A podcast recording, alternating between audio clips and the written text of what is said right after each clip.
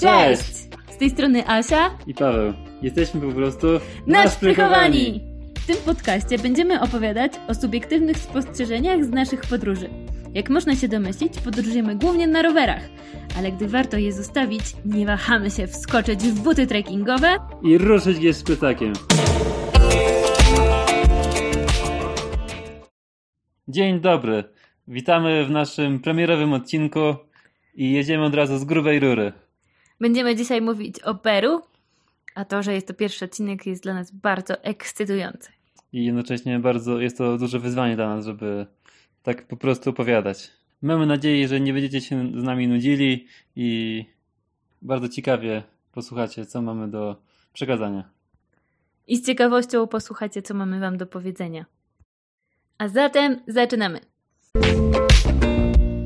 A więc na początek kilka suchych faktów. Gdzie jest Peru? Peru jest to państwo w Ameryce Południowej i żeby to tak mniej więcej umiejscowić, od południa sąsiaduje y, z Chile, później jest Boliwia, później bardzo długi fragment granicy z Brazylią i od północy Ekwador. Powierzchnia kraju jest zatrważająco wielka. Jest to milion dwieście tysięcy kilometrów kwadratowych, co porównując do marnych 312 tysięcy kilometrów kwadratowych Polski, po prostu Peru jest ponad 4 razy większe od Polski. Może właśnie z tego powodu spędziliśmy tutaj 3,5 miesiąca pedałując po Peru, co było dla nas y, zaskakujące i musieliśmy przedłużać wizę, ale może o tym opowiemy później. Następny punkt, zaludnienie. Y, jak wiemy, w Polsce jest to 38 milionów, Peru ma natomiast trochę mniej, 33 miliony mieszkańców. Już po tych liczbach można sobie wyobrazić, że Peru jest dużo mniej zaludnione niż Polska. I kolejny fakt, który z tego wynika, praktycznie każdy ma swoje poletko do uprawy różnych ciekawych rzeczy, na przykład balanów albo awokado. O czym w szczegółach później. Waluta Peru to sol. Wartość jednego sola to w przybliżeniu 1 zł, więc jak później się będą pojawiać yy, odniesienia co do cen, to warto będzie przeliczać, że jeden sol to 1 zł. Religia, która panuje w Peru to katolicyzm. Na papierze. Na papierze. Y, jest to 81% według statystyk Wikipedii. Natomiast w rzeczywistości ludzie rzadko pojawiają się w kościele. Można powiedzieć, że Kościół jest w pewnym sensie instytucją, która zjawia się wtedy, kiedy mieszkańcy mają taką potrzebę, czyli zamawiają mszę za zmarłego, albo jak, jak, jeśli jest jakaś, jakieś aniversario, czyli rocznica szkoły, rocznica kościoła i to jest wtedy powszechne, że dzwoni się do księdza i prosi się, żeby odprawił mszę. Czasem uprzedzają księdza o tym dzień wcześniej, na przykład. Tak, ale ogólnie tutaj kult zmarłych jest bardzo ważny. Święto zmarłych samo w sobie jest uroczystością bardzo przygotowywaną z dużym wyprzedzeniem i najistotniejszą. I? Dużo jest jeszcze protestantów. Zresztą mamy taką obserwację, że w całej Ameryce Południowej panuje taki trend, że ilość protestantów wzrasta. No to teraz opowiemy o klimacie. W Peru można wyróżnić trzy strefy klimatyczne. Pierwsza to jest strefa nadmorska i tam jest z powodu prądów morskich jest jest tam pustynia. Druga strefa to są góry. Jest to płaskowy w większości. I ten klimat jest bardzo suchy i chłodny. I surowy. Ostatnia strefa to wybitnie wilgotna strefa Amazonii. No jest tam po prostu dżungla. Bardzo ciekawe było dla nas to, że kiedy byliśmy w górach, było lato i w tym samym czasie na wybrzeżu była zima. Y, z czego zima to nie jest, y, nie, nie, nie kojarzy tutaj się z opadami śniegu. Ani mrozem. Jest to po prostu deszcz, pora deszczowa i pora sucha i są one wymienne. Kiedy na wybrzeżu jest lato, to z kolei w górach jest zima. Tak, takie pojęcie, że zima to śnieg i zimno to... Tylko w Europie. W, tak, tylko w Europie jest coś takiego. Tutaj po prostu albo pada, albo nie pada. Dzięki takiemu zróżnicowanemu klimatowi Peru ma wiele upraw, wiele bogactw naturalnych, wiele roślin, których nie ma w Europie. Ziemia jest bardzo żyzna, szczególnie właśnie w selwie, czyli w dżungli. Ale w górach z kolei jest dużo rodzajów ziemniaków, kukurydzy, y, też są duże złoża mineralne, na przykład miedzi, cynku, ołowiu, żelaza, jest złoto, srebro, ale Peru jest głównym eksporterem guano. A co to jest to guano? Odchody. Taka prawda. Jeśli chcecie wiedzieć czyje, to sobie sprawdźcie. No to mamy kontekst. Jest ocean spokojny, później jest pustynne wybrzeże, następnie płaskowyż, który ma 4000 metrów mniej więcej i się ciągnie praktycznie przez całe Peru, już tam od Boliwii aż po północne krańce z Ekwadorem. Są no to- i na koniec, na końcu już od strony brazylijskiej jest dżungla amazońska. Płaskowyż to jest część Andów i my się trzymaliśmy głównie tej części Peru. Do Peru wjechaliśmy od strony jeziora Titicaca. Które częściowo leży po stronie boliwijskiej, częściowo po peruwiańskiej. Jest to najwyżej położone na świecie jezioro żeglowne. Teraz szybko powiemy mniej więcej te najważniejsze miasta, przez które przejeżdżaliśmy po kolei. A więc było to Puno, Cusco. Tam też zjechaliśmy trochę do Selwy, czyli do dżungli. Y, Potem było miasto Ayacucho, Huancayo, Cerro de Pasco, miejscowość Huaraz, która jest znana z lodowców, które są dookoła. Y, Kanionem del Pato zjechaliśmy na wybrzeże do miejscowości Chimbote. Potem udaliśmy się na północ do Trujillo i z Trujillo znowu wróciliśmy w góry y, do Cajamarki. Po drodze wstąpiliśmy zobaczyć wysoki wodospad Gokta, który ma powyżej 7 700 metrów. Y, I przez miasto Jaén wjechaliśmy do, dojechaliśmy do granicy z Ekwadorem. To może teraz chwilę porozmawiamy o tym, jak nam się jechało po drogach peruwiańskich. Na rowerze. Może najpierw opowiesz nam, Paweł, mm, jak sobie radziliśmy z wysokością. Tak, to jest bardzo ciekawe, bo jak wjeżdżaliśmy do Boliwii, to już na wysokościach tak 3,5, 3800. 3800 czuliśmy, że jednak brakuje powietrza i że jest ciężko i strasznie nas to męczyło. Natomiast kiedy już dojechaliśmy do Peru, to ta granica się trochę przesunęła. I tak w okolicach 4300, 4,5 zaczęliśmy czuć, yy, że jest bardzo ciężko. Więc się do wysokości też da przyzwyczaić w jakimś stopniu. W sumie też nie mieliśmy żadnych dolegliwości nieprzyjemnych z tym związanych, bo charakterystyka jazdy na rowerze polega na tym, że dość wolno pokonuje się podjazdy, więc nasza aklimatyzacja przebiegała dość łagodnie. No tak naturalnie to wychodziło. Zdarzało się jakieś, jakieś wymioty, ale to trudno stwierdzić do dzisiaj, czy to było z powodu zmęczenia, czy zatrucia. Po prostu takie rzeczy podczas długich podróży się zdarzają. Mm, A jak ocenisz drogi w Peru? Znaczy, no my ogólnie jak jeździmy y, tutaj, to staramy się trzymać głównych dróg.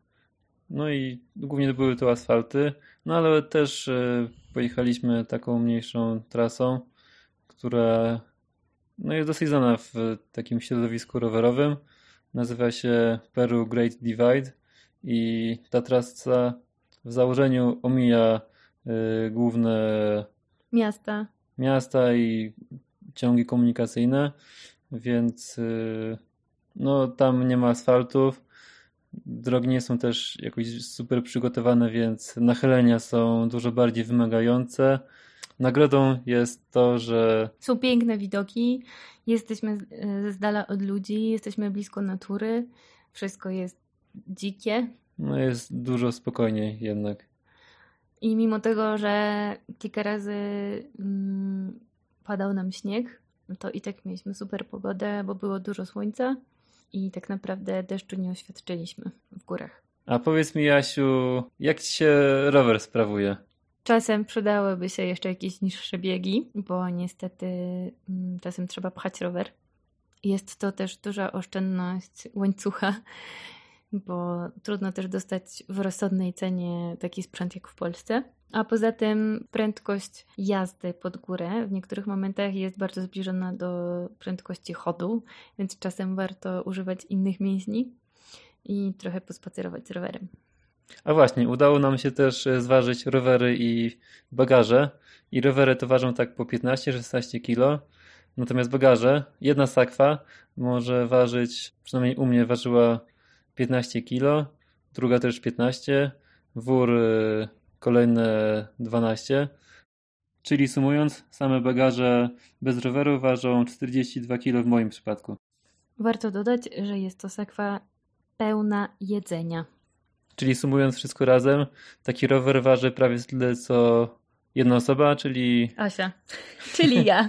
60 kg może się zbliżyć. Nie no, ja ważę mniej niż 60 kg. No rowery też troszeczkę mniej.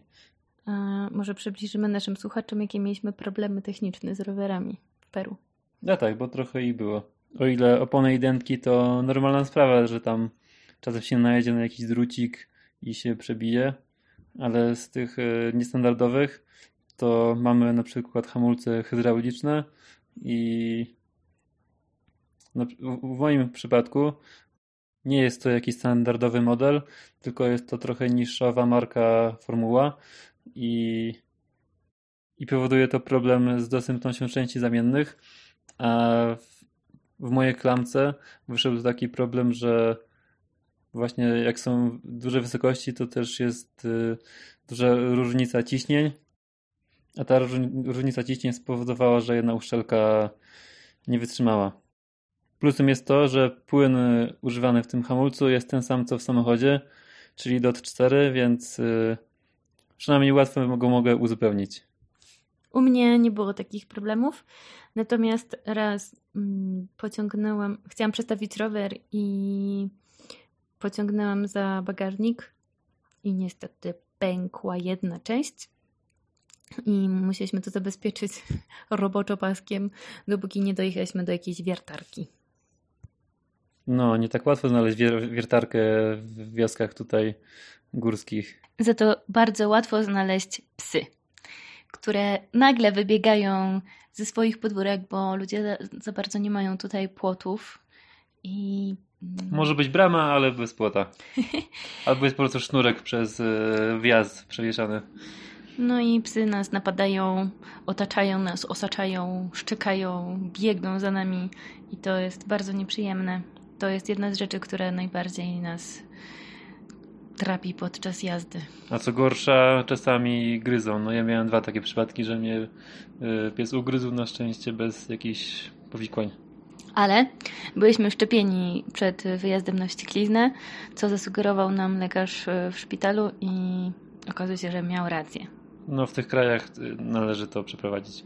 Jadąc na rowerze mamy też okazję zobaczyć nie tylko miasteczka, wioseczki, ale to, co jest pomiędzy, czyli to, czym się ludzie zajmują w ciągu dnia. A więc przechodzimy do kolejnej części naszego opisu. Gdy byliśmy w dżungli, w Selwie, widzieliśmy drzewa kakao, Y, drzewa kawy. Widzieliśmy też uprawy koki, ananasów, trzciny cukrowej, ryżu. Natomiast jak jeździliśmy sobie po górach, tam królują ziemniaki i kukurydza. W górach głównie też spotykamy drzewa eukaliptusowe, ale warto nadmienić, że nie są one tutaj, są one tutaj bardziej gośćmi w pewnym sensie, bo zostały sprowadzone z Australii ale zapach jest bardzo, bardzo przyjemny.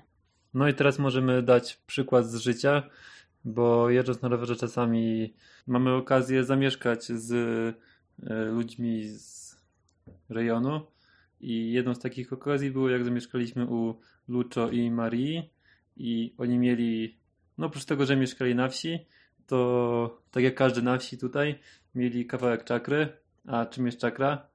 No to trochę ciężko opisać, bo no nie jest to pole, nie jest to też e, sad. Sad.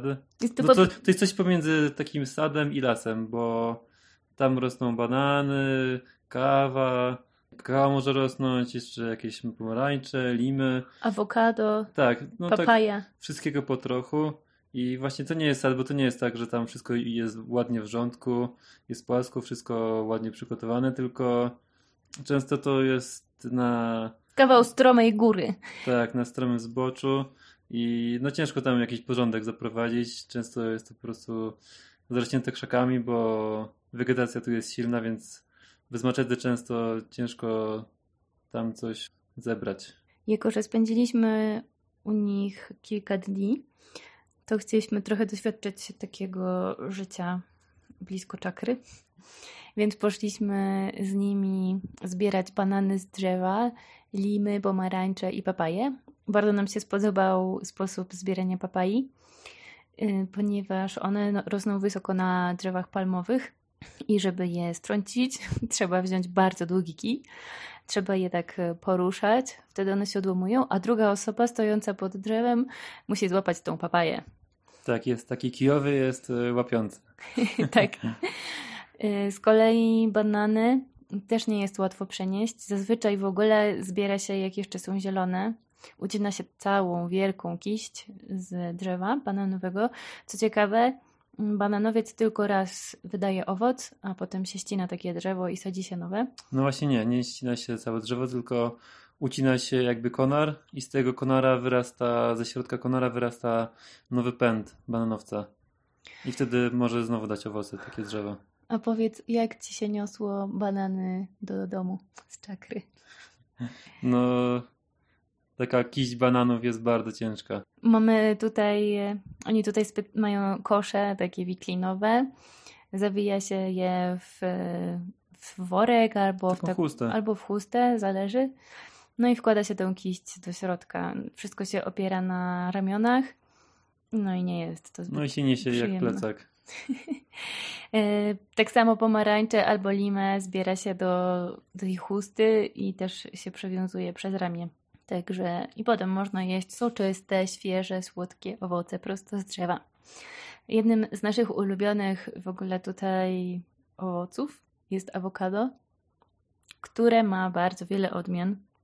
Jest awokado maślane, kremowe, jest awokado czarny z zewnątrz, nazywa się has, ta odmiana. Są ogromne awokada, po prostu większe niż moja pięść, jakieś trzy razy. Też są czarne i zielone, są z gładką skórką, z chropowatą. Także można. No są się... też po prostu małe. można się zagubić i poświadczamy, że takiego awokado jak tutaj, tu w Polsce nie jedliśmy.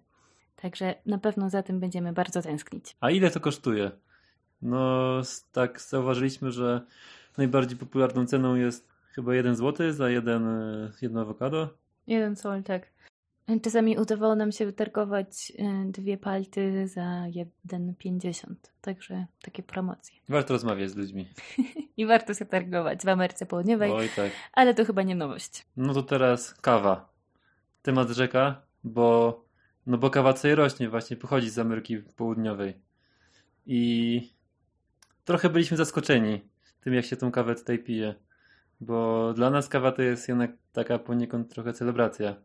A tutaj, tutaj nie ma takiej kultury picia kawy i kawa jest po prostu takim zwykłym napojem, który się parzy w sumie z odpadów, tak naprawdę. Bo lepsze ziarna są wysyłane na sprzedaż, a oni sobie piją tylko to, co zostało. No oczywiście mówimy o, o tych, którzy mieszkają na wsi i którzy uprawiają kawę. A tak samo ja sobie wyobrażałem, że plantacja kawy to jest właśnie tak jak nasz sad, że jest drzewko przy drzewku, ładne rządki i, i tak się to uprawia. A to tak nie wygląda, bo owoce kawy, naj... drzewa kawy najczęściej są po prostu gdzieś tam ukryte pomiędzy pomarańczami czy bananowcami i to nie jest tak, że jest jeden wielki obszar, gdzie rośnie samo, sama kawa, tylko no, są tak poutykane to tu, to tam i tak naprawdę czasem ciężko odgadnąć, że ktoś ma kawę. A wiecie, co jeszcze się utyka pod innymi drzewami? Marihuanę. w takiej dżungli bardzo łatwo ukryć jakieś yy, nielegalne uprawy. Taki krzaczek czy dwa. No i jak mieszkaliśmy u Marii i Lucia, to kawa była podawana w tym, mieli taki specjalny garnuszek z dodatkowym sitkiem. Na to sitko wysypywało się kawę, zalewało się wodą, no i to była esencja, którą się jeszcze rozcieńczało wodą potem. Tak naprawdę dla nas to już była dobra kawa, ale nie, to trzeba jeszcze rozcieńczyć i dopiero można pić. No i też y, ogromne ilości cukrów wpadają tam do, do tej kawy zazwyczaj. Mm, Też y, ludzie, których nie stać w sumie na kawę, bo co jest dość absurdalne, kawa jest tutaj dość droga. Mm, Inni piją palony jęczmień, kawę z, z jęczmienia. I to jest bardzo tanie, ponieważ kilogram kosztuje około 3-4 zł w przeliczeniu na polskie pieniądze. Teraz opowiemy o produkcji kawy. Tak, zaczyna się od e, zrywania owoców z drzewa, przy czym to nie jest coś, co łatwo zmechanizować, bo te owoce dojrzewają w różnym momencie i to nie jest tak, że można naraz całe drzewko zerwać, tylko trzeba selekcjonować i po trochu zrywać, bo tak to wygląda. Po zerwaniu należy owoce wysuszyć. No to też są różne techniki, bo można je suszyć w całości ze skórką, można suszyć y, już po tej usunięciu tej skórki same ziarenka. Tak naprawdę takie dojrzałe ziarenko jest smaczne, bo jest po prostu słodkie i te ziarenka kawy też można w sumie pogryźć i no mi to smakuje. Czasem sobie tam podjadałem trochę po drodze. Kakao tak samo jest w środku takie, te owoce są taką białą mazią wypełnione i w sumie to też jest słodkie. Mm, A suszy się kawę w ten sposób, że potrzebny jest beton lub asfalt. Rozkłada się plandekę czarną i po prostu wysypuje się te ziarenka i się je suszy tam. Może, można też zrobić to na po prostu placu głównym w mieście. Tak, i tak. Albo na drodze. albo na boisku i naprawdę to jest bardzo bardzo często spotykaliśmy jadąc na rowerze, że gdzieś na poboczu po prostu była rozłożona kawa. A w ogóle w takim jednym owocu są dwa ziarenka kawy, więc to też e, za pierwszym razem jest niespodzianka. Jak już kawa jest wysuszona, to w sumie nie jest, da, dalsza obróbka nie jest bardzo prosta, bo trzeba mieć jeszcze specjalny sprzęt do usunięcia kolejnej warstwy e, skórki z tej kawy, mm, więc często po prostu jest sprzedawana w takiej formie wysuszonej w ziarnach i tam dalej jest e, wysyłana do kolejnych producentów. I tak przygotowane ziarna następnie się wypala, a po wypaleniu mieli. No i tu też jest oczywiście wiele metod. W domu można wypalić w garnku albo w takim specjalnym glinianym naczyniu, a y, tak bardziej fabrycznie, no to też są specjalne maszyny do tego. Ostatni etap to zmielenie i w takiej formie już można zalewać rządkiem. W Ekwadorze tutaj przy samej granicy spotkaliśmy też e, taki dom, w którym była elektryczna taka wielka maszynka do mielenia kawy i pani to robiła dzień przed sprzedażą i ładowała do worka, ale też wiemy, że eksportują ją do Niemiec, do innych krajów europejskich. Oczywiście nie indywidualnie, tylko tutaj ludzie się zawiązują w takie kooperatywy i wspólnie mm, to mogą eksportować. A co jeszcze można spotkać w peruwiańskiej czakrze? Oprócz papai, bananów można spotkać też lukumę. Jest to przepyszny owoc, ale bardziej nam smakował w, na przykład w kremoladzie, czyli w takim szejku mlecznym albo w postaci lodów. No po prostu to jest szał, taki trochę orzechowy smak mają. Jest też taki owoc pepino dulce, jak nazwa wskazuje, z, hiszpańskiego jest tłumaczony jako słodki ogórek. Skóra jest, skórka jest taka żółto-fioletowa i trochę to przypomina połączenie melona z ogórkiem, ale jest bardzo smaczne. Takim ciekawym owocem jest też pitahaja. W Boliwii też spotkaliśmy pitahaję, w Ekwadorze też są pitahaje, a ona jest żółta. W polskim tłumaczeniu mówi się no to smoczy owoc. W, w środku jest mm, taka biała masa z czarnymi pestkami jak kiwi. Natomiast trzeba bardzo uważać z, ze zjadaniem tego, z ilością zjadania tego owocu, ponieważ ma działanie przeczyszczające. Bliżej wybrzeża spotkaliśmy wielkie, ogromne plantacje trzciny cukrowej. Po pierwsze wykorzystuje się ją do robienia cukru. To nie jest chyba jakieś zaskoczenie.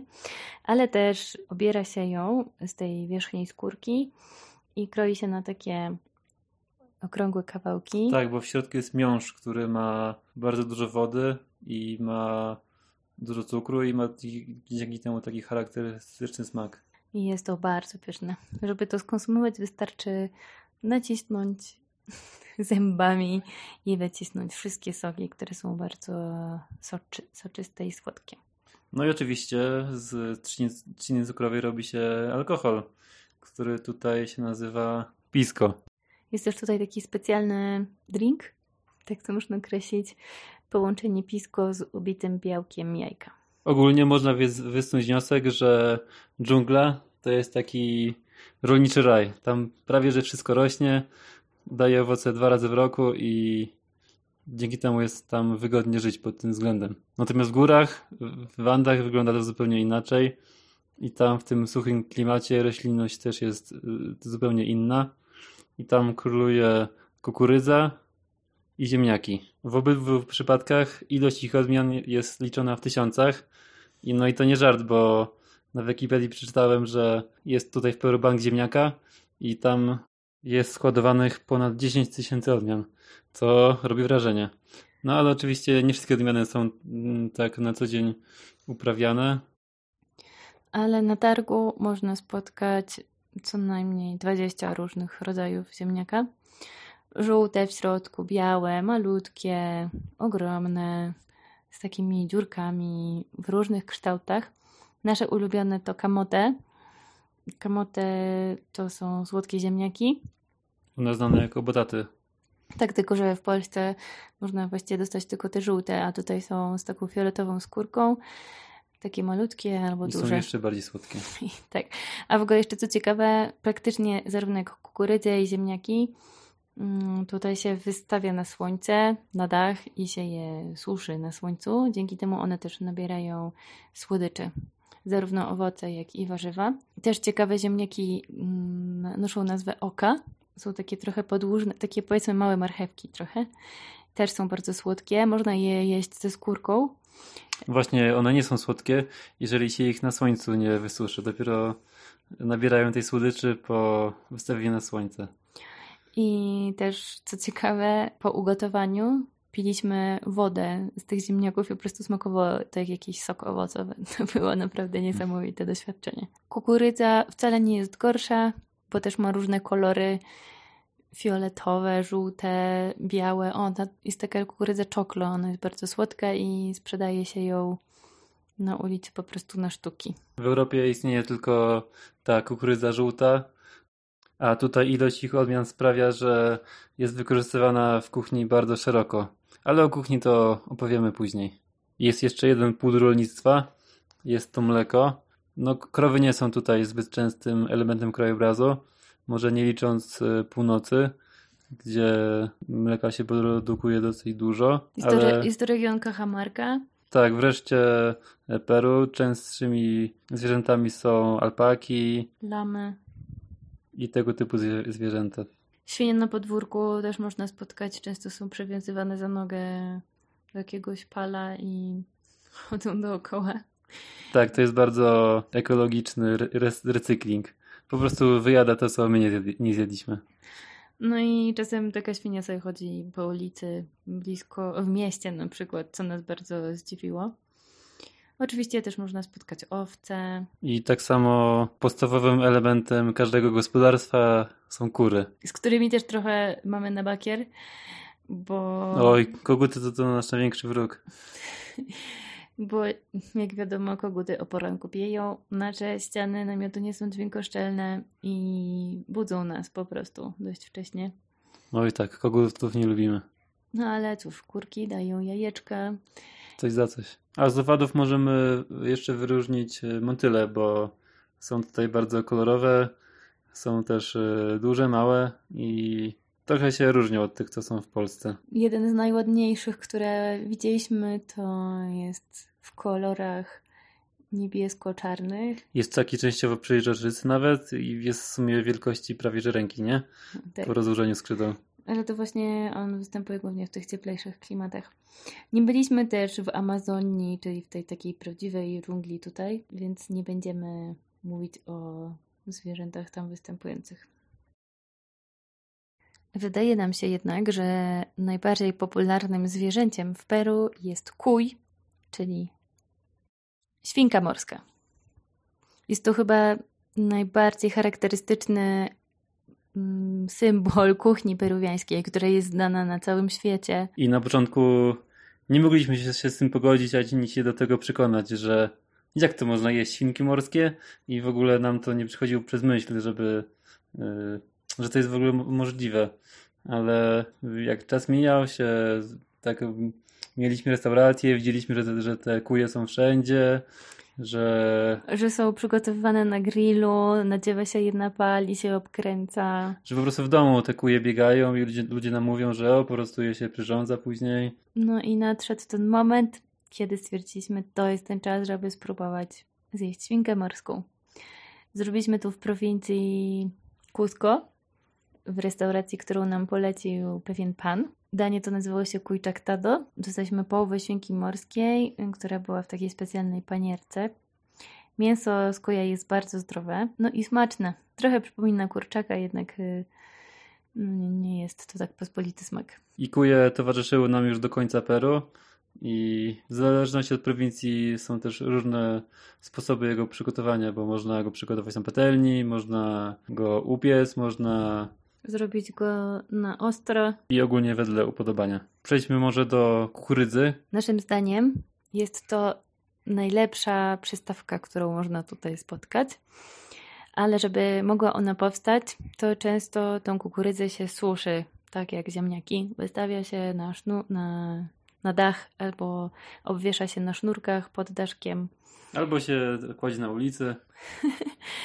Albo też najpierw się ją obiera i taką, takie obrane ziarenka się y, wysusza. A żeby powstała nasza ulubiona przystawka o nazwie kancia. Albo kanci, gdzie, gdzie nie gdzie. Wrzucamy na patelnię olej, potem wrzucamy kanci i mieszamy. I ona trochę tak pęka jak popcorn, ale tylko w znaczeniu odgłosu. To ziarenko po prostu się trochę otwiera jest trochę takie podpieczone i jest bardzo chrupiące i smaczne. W zależności od rodzaju kukurydzy smak jest oczywiście inny. Nawet soli nie trzeba dodawać. I zdarza się, że podaje się ją z małymi kawałkami sera. Kukurydzy się też mieli, dzięki czemu jest miliard różnych mąk, z których robi się chleb, ciastka lub dodaje się po prostu do wody i się pije to. Tak, to, to jest właśnie bardzo popularne śniadanie, że taką zmieloną kukurydzę się zalewa wrzątkiem albo się w ogóle gotuje z, z wodą i to wtedy jest taki gęsty napój. Albo z mlekiem. No, z mlekiem też może być. Jeden, jedno śniadanie, które też nas zaskoczyło, było zrobione z kolei na prażonym bobie, czyli też jakby ten bób był najpierw sprażony, potem zmielony i też się gotowało go z mlekiem i jest to bardzo sycący napój, gęsty i zaskakująco smaczny. Ale zapomnieliśmy o najważniejszych rzeczach, które się robi z kukurydzy w Peru. Po pierwsze są to tamale i umitas. I to można kupić wszędzie, na y, ulicy. No i jak to wygląda? To jest taka masa też przygotowana z kukurydzy. Tamale są na słono, umitas są na słodko zazwyczaj. Y, w y, umitas w środku jest jeszcze ser często, albo jakaś rodzynka, coś takiego. No dobra, ale jak to się przygotowuje? Mieli się kukurydzę, Gotuje się to potem w liściach w garnku. A bo tutaj jest, jest zawijane w liściach kurydzy właśnie. Tak. I to jak się kupi, to trzeba te liście najpierw otworzyć i właśnie tam w środku odwinąć i w środku jest e, ten tamal albo umita. No i do tej masy dodaje się jajko gotowane albo jakiś kawałek mięsa. Można te, też tam znaleźć oliwkę. No tak, zależy kto przygotowuje. Z kukurydzy się przygotowuje jeszcze o dziwo napój i co prawda nie, nie trzeba go przygotowywać tylko z kukurydzy, ale często właśnie z niej jest. Nazywa się chicha. Jest to fermentowana kukurydza. Najczęściej można ją spotkać na ulicy, po prostu jest sprzedawana prosto z wiadra. W prowincji Cusco natomiast jest taki sposób na sprzedawanie chicha, że wystawia się chorągiewkę czerwoną, która wystaje z bramy i dzięki temu wszyscy wiedzą, zazwyczaj lokalni, że właśnie tam ktoś sobie w domu robi chicze, albo że w danej restauracji można się napić tego napoju. Ale chicha nie powstaje tylko z kukurydzy. Można ją zrobić z bardzo wielu składników. Na przykład próbowaliśmy chiczy z yuki, która była bardzo gęsta. Mm, chiczy... Yuki, czyli manioku. Tak. Z marekui, z mango, z ananasa. O, z ananasa o, jest pyszna. Słodziutka. Słodziutka. po prostu kto ma jaką fantazję, z tego robi chicha. Bo chicha to jest taki napój fermentowany i on tak trochę przypomina smaku podpiwek może. No też jest y, taki gazowany. Lekko gazowany, tak. Czasem na drożdżach się go robi, zależy. A kontynuując temat napojów. W każdym domu, który ma dostęp do elektryczności, zaznaczmy, bo to nie jest takie oczywiste w Peru, jest taki przyrząd o nazwie Liquidora. Jak można wywnioskować, jeśli ktoś zna angielski, liquid oznacza słowo płyn, a więc urządzenie to służy do blendowania rzeczy. Upłynniania. Tak. Po prostu wrzuca się marakuje. No jest to taki blender kielichowy chyba u nas po polsku. Wrzuca się tam różne owoce i robi się refresco, czyli napój orzeźwiający. Z różnych owoców, z dodatkiem wody, cukru, komu jak się podoba. Jeśli ktoś chciałby się jednak napić czegoś gazowanego, bardziej standardowego, to w Peru jest bardzo popularna Inca Cola. Smakuje jak nasza oranżatka. Jest bardzo, bardzo żółta. Kiedyś był to napój wytworzony w Peru, ale niestety koncern Coca-Cola wykupiła udziały. I jako, że ludzie byli bardzo przywiązani do tego napoju, w końcu Inka, to no po prostu zdecydowali, że amerykańska korporacja przejmuje kolejną peruwiańską firmę. Także odbiło się to wielkim echem. Ale no teraz to jest własność Coca-Coli, no co poradzić. Jeśli chodzi o inne rzeczy do picia, to bardzo ciekawe jest tutaj to, jak wiele rzeczy można wypić podczas śniadania. Wiele rodzajów. Bo tutaj śniadanie w sumie jest taka popularna opcja, to jest, że właśnie pije się coś gęstego i to się zagryza chlebem. No i na przykład jest to owsianka, tylko że jednak dla nas y, Polaków, przynajmniej y, dla nas... Owsiankę się je w talerzu. Jest to raczej jakaś papka z dodatkiem różnych owoców, bakali czy różnych rzeczy. A... Tu jest odwrotnie. A tutaj owsianka jest bardzo rozcieńczana, jest często robiona właśnie z tym mlekiem zagęszczanym albo, no tak, głównie z mlekiem zagęszczanym z puszki y, albo na wodzie i Często jest tak, że się po prostu wkłada do kubka chleb i się go moczy i je. Albo po prostu się ten chleb zapija. tak. Mm, natomiast często też dodaje się tutaj makę. Maka jest to warzywo, które w zasadzie jest trochę podobne, może się kojarzyć z rzepą trochę. Jest to korzeń, y, który rośnie w wysokich Andach, potrzebuje bardzo dużo słońca i surowego klimatu. Dlatego chyba jedynie Peru jest mm, wytwórcą maki. Gdzie indziej w Ameryce Południowej nie spotkaliśmy jej. Robi się z tego proszek i dodaje się do kawy, wsypuje się do wody z różnymi innymi zmielonymi rzeczami. Może być to mąka tostada. Trochę nie wiem, jak to przetłumaczyć. Może jako prażona, ale po prostu to jest. To ma ciemny kolor. Też y, y, używa się tutaj mąki z bobu, mąki z kukurydzy, ale to nie jest jakieś zaskakujące. No i tak, i to wszystko daje inne smaki temu śniadaniowemu posiłku. Także Ogólnie to jest, to jest tak, że po prostu ktoś nalewa sobie kubek ciepłej wody, y, wsypuje tam łyżkę maki, albo trochę chia, albo właśnie mąki jakiejś i po prostu ma tak, taki napój dziwny. Wracając jeszcze na chwilę do maki, jest, jest to trochę takie, taki cudowny proszek, można powiedzieć. Hmm. Ma bardzo dużo wartości odżywczych. Uważa się, że pomaga w gospodarce hormonalnej kobietom, że łagodzi objawy menopauzy, dostarcza wielu ciekawych rzeczy do organizmu, reguluje dużo rzeczy. Inną opcją na szybkie śniadanie na mieście są przepiórcze jaja. Często można spotkać panie, które stoją na mieście gdzieś tam na rogu i sprzedają no, i stoją i obierają i tam można kupić na przykład 5 sztuk za 1 zł. W sensie mają takie specjalne wózeczki, w których mm, podgrzewają te jajka i nakładają, e, nakładają je w torebkę foliową małą i dają wykałaczkę i można sobie jeść wykałaczką. Nasza ulubiona wersja śniadań jednak e, była w dżungli, bo tam jest dużo bananów, a my jesteśmy fanami bananów w każdej postaci. Można je gotować, można je smażyć, można zrobić placki z bananów. W zależności też od rodzaju banana, banany mają swoje przeznaczenie. Są takie bardziej kanciaste, one się bardziej nadają właśnie do gotowania lub do smażenia. Natomiast są też banany, z których robi się zupę yy, i często też banan taki zielony ugotowany jest dodatkiem do obiadu. Oczywiście ryż jest też obowiązkowy w każdym obiedzie. Tutaj też może być juka. Ale tak naprawdę jeden z tych typów bananów bardzo ciężko odróżnić już po ugotowaniu, sądząc po samym smaku od e, ziemniaka. Tak, to, to prawda. No ale to zależy właśnie też od tego, jaką ma skórkę, bo jak są zielone, to właśnie mają taki bardziej ziemniaczany smak, a jak są żółte, to są bardziej słodkie. Y, natomiast, żeby obrać te zielone banany, bo one mają taki sok, który strasznie klei się, to najpierw trzeba wsadzić je do wody i z, z wody się je obiera i wrzuca się powrotem do wody. Mieliśmy też okazję spróbować danie, które się przygotowuje w Amazonii, czyli w głębokiej dżungli, w której nie byliśmy, ale udało nam się spróbować danie o nazwie Juanes. Mm, w środku y, jest to danie zawinięte w liście banana i w środku jest ryż, kawałek kurczaka, jajko, oliwki, no i oczywiście banany.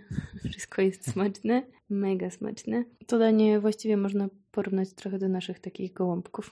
Może nie, nie w smaku, ale w formie. Tak.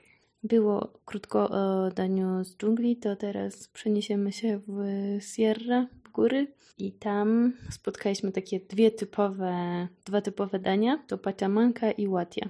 One są chyba, chyba typowe dla regionu Cusco. Dla regionu Cusco jest łatia, pachamanka jest łąka wajka. Łatia to jest trochę takie jakby ziemniaki z ogniska. To się to u nas można przygotować, tylko że tu się robi to trochę inaczej. Najpierw się buduje taką piramidę z gliny, Najpierw się wykopuje dołek. No tak, i się buduje taką piramidę. W środku jest pusta. Co bardzo się układa takie jakby kamy, kamienie iglo. z gliny, takie iglo. Później trzeba tam podpalić ogień, żeby ta glina się nagrzała i jak już chwilę się to po, popali ten ogień, to wyciągamy to, co się paliło, jakieś tam drewno najczęściej i wrzucamy ziemniaczki. I, i rozwalamy naszą wieżę Także te ciepłe, rozgrzane kawałki gliny ogrzewają ziemniaczki. Tak, tu już jest bez ognia, tylko samo ciepło gliny ogrzewa te ziemniaki. No i, A tam można dorzucić też jakieś inne typy ziemniaków, na przykład oka. Oka albo kamotę. Tak. Ale żółte są ziemniaki, białe. Ojej, tu jest, jak mówiliśmy, jest bardzo dużo ziemniaczków.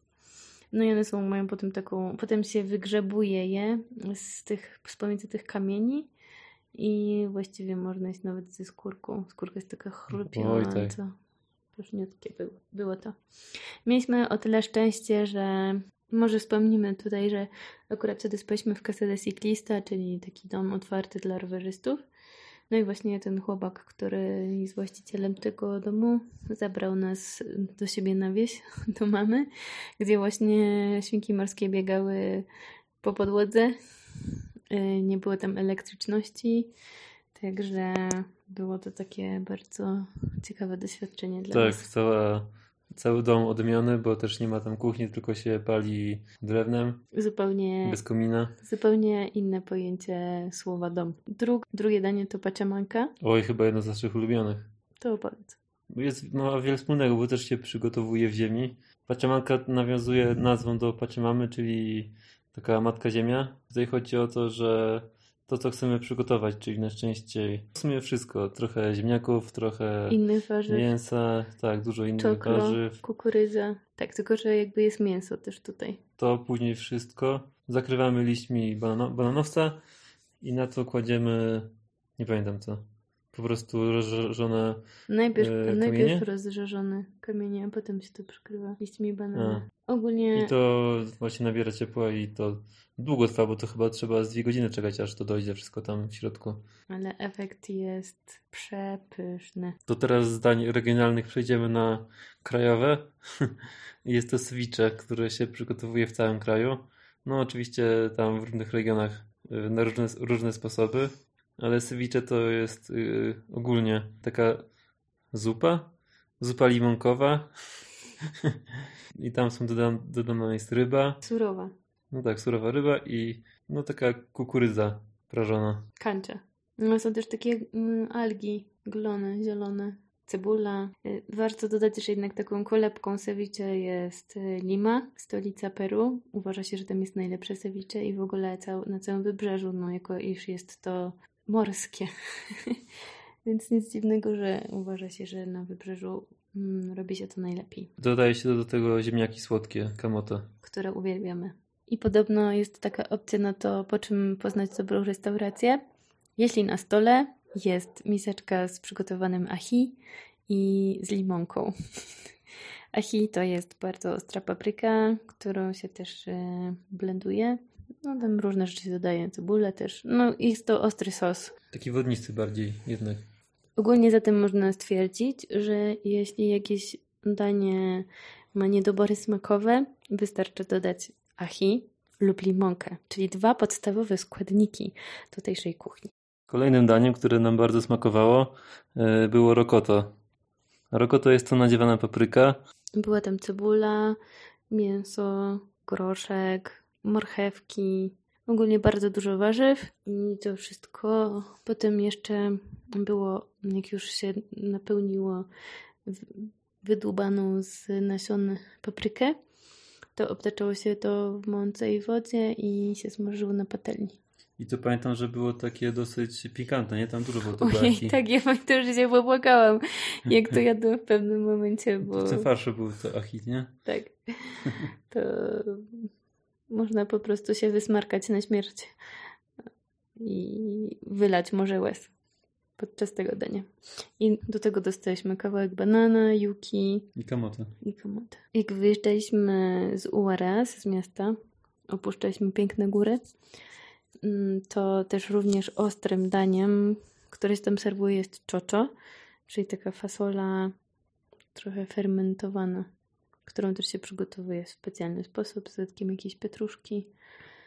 Było to bardzo sycące i smaczne, ale też bardzo ostre. Kolejne danie, może nie jakoś bardzo popularne, ale może przez analogię podobne do naszego. Takie jakby flaki. Tutaj mówi się na to kałkał. Ma trochę inną formę. U nas jest to taka zupa, a tutaj jest to taki bardziej sos. Który się dodaje do ryżu, oczywiście, albo do ziemniaków. No jest, y, no, o, akurat to danie w wydaniu, które mieliśmy domowym, nie było zbyt ostre dla odmiany.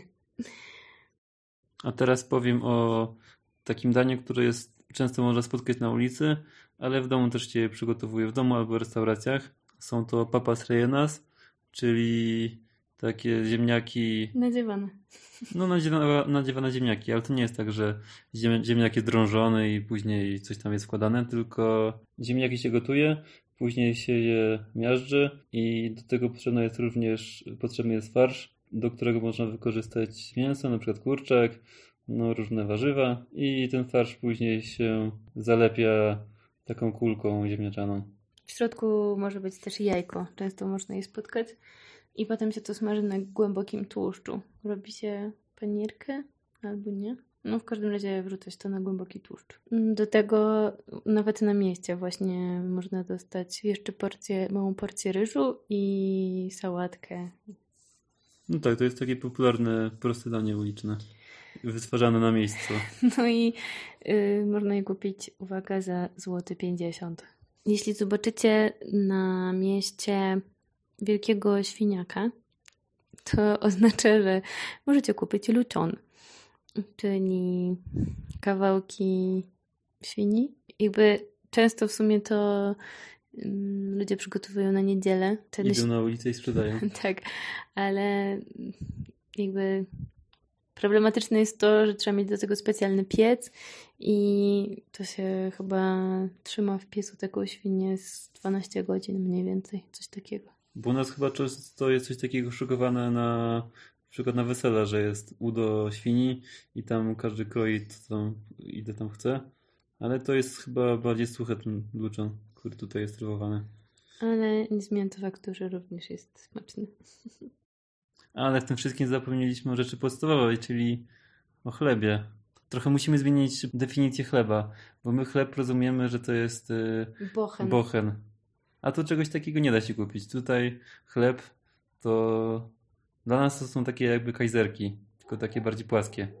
I puste w środku. No, no chodzi o to, że właśnie są z takiej białej mąki na drożdżach i to jest taki wyrośnięty placek troszeczkę.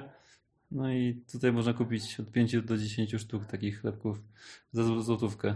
To teraz przyszedł czas na słodkości. Moim ulubionym tutaj deserem jest kremolada, ale nie wszędzie przygotowują ją w ten sam sposób. Czasem przez kremoladę po prostu rozumie się coś w rodzaju sorbetu, że nakładają pięć kulek ananasowych zmieszanych z wodą, ale kremoladę najlepszą piliśmy w Selwie z mlekiem i z owocem, który się nazywa lukuma. Ona ma trochę taki posmak orzechowy, ma zieloną skórkę, w środku jest żółta, ale kremolada z takim mleczkiem zblendowane, to wszystko na zimno jest po prostu obłędna. Uwielbiamy kremoladę. Też robiliśmy kremoladę z papai, też nam bardzo smakowała. No tak naprawdę bardzo łatwo jest to zrobić w domu. Wystarczy zblendować owoce, wymieszać je z wodą, dodać cukier, wsadzić do zamrażarki, potem mm, wyjąć zamrażarki, znowu zblendować i dodać do tego mleko skondensowane, takie z puszki. Jest też inny sposób, żeby po prostu zamrozić kawałki owoców i te kawałki od razu wrzucić do y, blendera i też wyjdzie podobnie. Polecamy. Mm, też y, często na ulicy można spotkać churrosy. Churrosy są znane głównie w Hiszpanii. Tutaj trochę inaczej się je przygotowuje. Mm, wygląd mają podobny, ale często w środku, znaczy są dwa rodzaje w zasadzie. Takie małe, polane czekoladą, mm, albo takie wielkie, które dużo większe, jakby wyglądają jak takie paluchy y, i w środku jest y, karmel, czyli dulce de leche. I jeszcze jest obtoczony w cukrze. Tu dalej, picarones. Nam przypominają trochę racuchy, ale są to takie oponki rzucane właśnie z takiego ciasta drożdżowego, też na głęboki tłuszcz. E, podawane są czasem z kawałkiem sera mm, i są polane bardzo płynnym miodem. Też są bardzo smaczne. Kto wie, czy to jest miód, czy to jest jakiś syrop cukrowy? Nie wiadomo. Ale były słodkie. Oczywiście takim też typowym napojem, o którym zapomnieliśmy, jest woda z kokosa którą można kupić przy drodze, w zależności od tego, w jakim regionie jesteśmy. No przy czym to nie jest taka woda z kokosa, tylko się dostaje całego kokosa z, z rurką. ze słomką, tak. Natomiast można też poprosić, żeby nam y, rozłupano tego kokosa i można sobie wyjść ze środka carne de coco, czyli mięso kokosa czyli coś, z czego się produkuje wiórki kokosowe, przy czym no, taki świeżutki kokosik, mm, mniami, mniami, mniami. Bo to nie to samo, co te wióry, co docierają tak. do Polski. tak. Mm, no i ostatnia rzecz to chyba królowa, e, którą można dodać do każdego dania. Jest to palta, czyli awokado. Bardzo lubimy to słowo tutaj, tu, tu, któregoś tutaj używa. W Hiszpanii mówi się aguacate. Awokado dodaje się do obiadu, do śniadania z odrobiną soli. Wystarczy chleb, trochę palty posolić i jest już pyszne śniadanie. Można też zrobić deser, również zblendować awokado, banana, dodać trochę kakao i cukru i mamy pseudo-czekoladowy deser. Ale też można zrobić taką pastę obiadową. Yy... Guacamole. To już zależy. To jest bardziej pasta, którą się używa, w, która w Meksyku, ale Kolumbijczycy ją zaadoptowali i inni. Jak wiadomo, mm, Peru jest królestwem kuchni i gotowania. Więc nie, nie mieliśmy sposobności ani czasu, żeby spróbować wszystkich dań, tym bardziej, że naprawdę nie ma, każde miasto ma swój specjał. Ale chyba i tak wystarczająco dużo powiedzieliśmy na ten temat. A to chyba jest tak dlatego, że ludzie mają dużo czasu na gotowanie, bo to chyba nie jest tak, że kobiety pracują gdzieś na biurze na pełen etat i w domu ich nie ma cały dzień, tylko yy, albo pracują w domu, albo albo na ulicy. Na, albo na ulicy, właśnie wychodzą na chwilę, później wracają na obiad, przygotowują i może dlatego tak jest tutaj też duża różnorodność. Oprócz tego, że jest oczywiście dużo, dużo składników, z których można dużo rzeczy przygotować. To prawda. W każdym razie, jeśli ktoś jest smakoszem, zapraszamy do Peru. Oj, Peru, tak.